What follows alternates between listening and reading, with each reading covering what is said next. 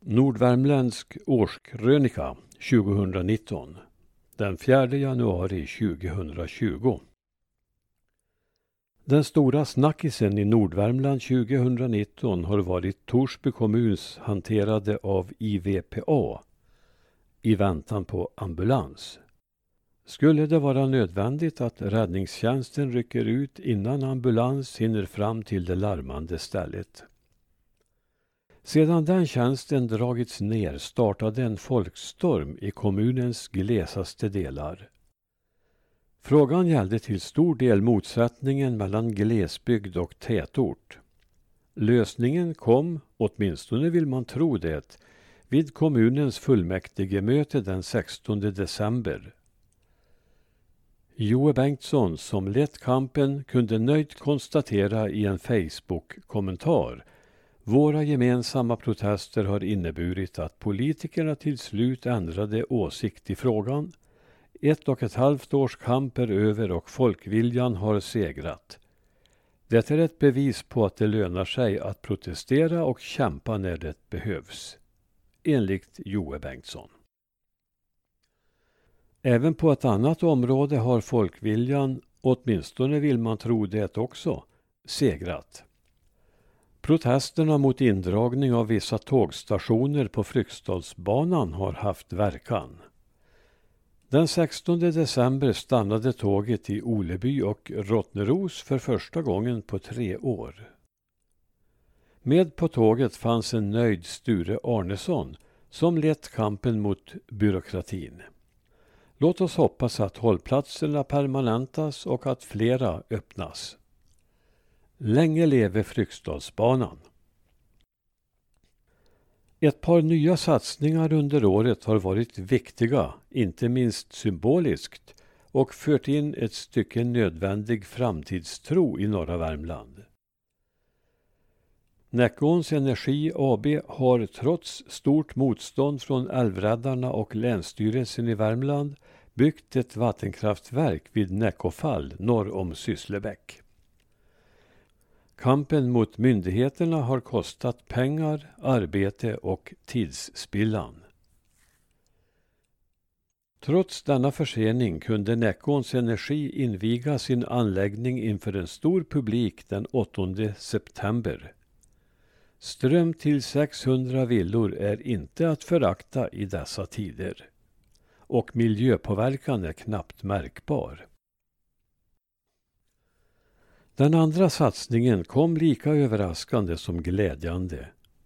Det var Sysslebäcksbördige Henry Ketola som tidigare arrenderat Stöpafors kvarn och där tillverkat skrädmjöl i stor skala men som nu blivit utan arrendet där och därför flyttat verksamheten till gamla Femtå kvarn i Månäs. Kvarnen hade stått orörd i 50 år men förvånansvärt nog fungerade utrustningen som funnits på plats hela tiden och bara väntat på en mjölnare. Den 19 oktober hade han offentlig invigning med Carl Jan Granqvist som hedersgäst och invigningstalare. Den stora publiktillströmningen gav säkert Henry råg, eller kanske havre, i ryggen inför framtiden. Dessa positiva satsningar överskuggade till och med nyheten att en ny republik bildats i området. Republiken Nordvärmland med årets nordvärmlänning 2019, Joe Bengtsson som självklar president. Första punkten i stadgarna. Republiken skall verka för att det ska vara möjligt att leva och bo i vår bygd. Positivt är också att Torsby kommuns bokbuss fick pris som årets mobila bibliotek. Dessutom kan noteras att kommunen med hjälp av pengar från Internetstiftelsen har kunnat starta ett så kallat Digidel-center där datorovana personer kan få hjälp och handledning. Värt att notera är att Torsby av Lärarförbundet utsetts till landets bästa skolkommun 2019. En positiv vändning även om kriterierna kan diskuteras. Inom den kulturella sfären har ovanligt mycket hänt. Marit Kapla tilldelades Publicistklubbens Guldpennan för sin originellt upplagda reportagebok om Osebol. Och som grädde på moset fick hon årets Augustpris. Bengt Berg fick ett stipendium från Svenska Akademin och dessutom en litterär utmärkelse ända ifrån Kina. Flitige Rolf Nilsson har skrivit om småbrukarliv på Kvarntorp och dessutom en säterbok. Min klasskamrat från Semis, Jan Ullars, har gett ut en bok om Finnskogen. Obygd, Östmarksskojare, Östmarksfinnar och allsköns mord och ohyggligheter. Även denna bok är mycket originellt upplagd med en imponerande mängd fakta på vänstersidorna och matchande skönlitterär text på högersidorna. Erling Hedin har skrivit en bok om den stenrika Ekshäradsbygden. Och i samma bygd verkar gruppen Ekshärad i sagor och sägner med att i film bevara gamla berättelser. Anders Ajaxson har skrivit om 1954 som ett speciellt år i Munkfors på flera sätt. Madeleine Zizek har skrivit om ett mord i Ransby, lyckligtvis fiktivt. Och Håkan Hansson har släppt en CD med artister som har uppträtt på Hagen i Östmark genom åren. Säg inte annat än att norra Värmland är ett kreativt hörn av världen. Jag kan med belåtenhet konstatera att det äldsta korset på Dalby kyrkogård har renoverats efter ett långt gånget förfall. Glädjande är också att restaureringen av kyrkogårdsmuren fortsatt. Däremot har ännu inget gjorts åt en informationstavla med några felaktiga uppgifter som finns innanför stigluckan.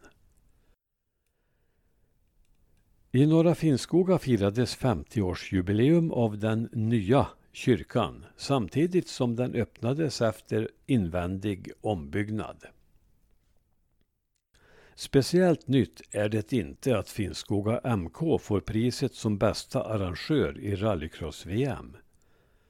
Något ovanligare var det då att det inte blev publikrekord på rallycrosshelgen i Höljes, men det var nära nog. Positivt i Likenäsområdet. Ägarna till ICA har satsat stort och har därför belönats med det nationella ICA-priset Årets kundmagnet. Negativt i Likenäsområdet. Transtrands friskola läggs ner efter 12 år på platsen där skola funnits sedan 1865. I samma veva som Stefan Löfven stolt klargjorde att den statliga närvaron i landet ska ökas ut meddelades att Arbetsförmedlingen i Sysslebäck ska läggas ner och att posthanteringen i Sysslebäck flyttas till Torsby. Redan i december togs beslutet om Arbetsförmedlingen tillbaka.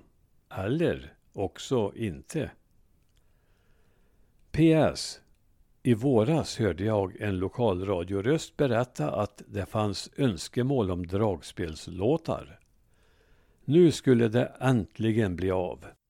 En halv dragspelslåt blev det och sedan hänvisades lyssnarna till P4 Konstigt. I andra sammanhang uppmanar man till lyssning på lokala P4 att det är vår beredskapskanal men inte för dragspelsvännerna. Jag har för övrigt föreslagit lokalradion att via trafikredaktionen informera om avgrävda fiberkablar då radion är enda omvärldskontakten sedan telefon och internet dött. Hoppas att de lyssnat. God fortsättning.